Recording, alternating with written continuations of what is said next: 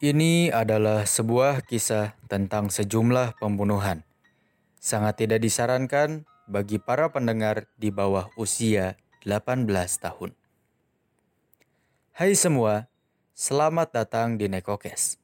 Kali ini saya akan membahas tentang serial killer yang berasal dari Jepang. Selamat menyaksikan. Takahiro Shiraishi lahir di Zama, Prefektur Kanagawa, Jepang, 27 Oktober 1990.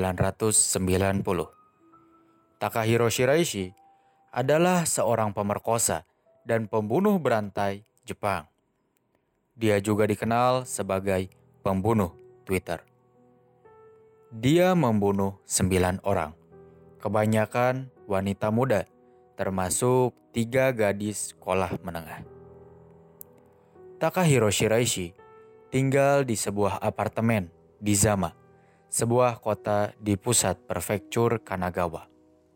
Dikabarkan, dia menguntit Twitter dan menghubungi orang yang ingin bunuh diri, meminta mereka datang ke rumahnya agar dia bisa melihat mereka bunuh diri. Dia menawarkan diri untuk membantu atau melihat mereka bunuh diri. Saya mengundangnya ke apartemen saya dan membunuhnya, kata Shiraishi kepada polisi.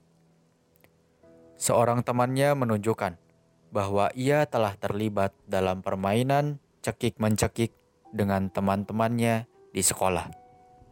Dan tanda-tanda korbannya di kemudian hari menunjukkan bahwa mereka telah dicekik sampai mati. Salah satu saudara perempuan yang hilang memulai penyelidikan sendiri untuk menemukan saudara perempuannya. Seorang wanita membantunya dengan menghubungi Shiraishi dan membuat janji palsu. Mereka berdua melibatkan polisi. Polisi kemudian tiba di apartemen dan menanyakan keberadaan wanita yang hilang itu. Shiraishi menunjukkan bahwa dia ada di lemari es. Polisi menemukan sembilan mayat di dalam rumah tersebut, yang semuanya telah dipotong-potong. Di tiga kotak pendingin dan lima kotak penyimpanan besar, polisi menemukan kepala, kaki, dan lengan dari korbannya. Para tetangga menguatkan kejadian tersebut dengan memastikan bahwa bau busuk dari daging berasal dari rumah Shiraishi. Delapan dari sembilan korbannya adalah wanita berusia akhir belasan hingga awal dua puluhan. Investigasi polisi telah mengkonfirmasi bahwa wanita yang hilang itu berjalan bersama Shiraishi pada tanggal 23 Oktober.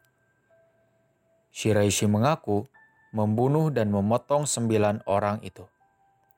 Sebelum dia melakukan pembunuhan, Shiraishi telah memberitahu ayahnya bahwa hidupnya tidak ada artinya.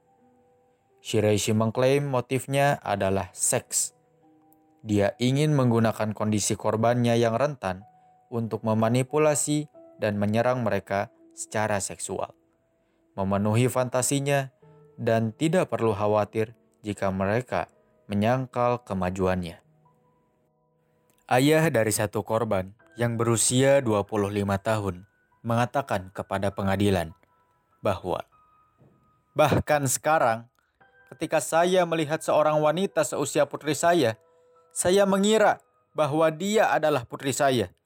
Rasa sakit ini tidak akan pernah hilang.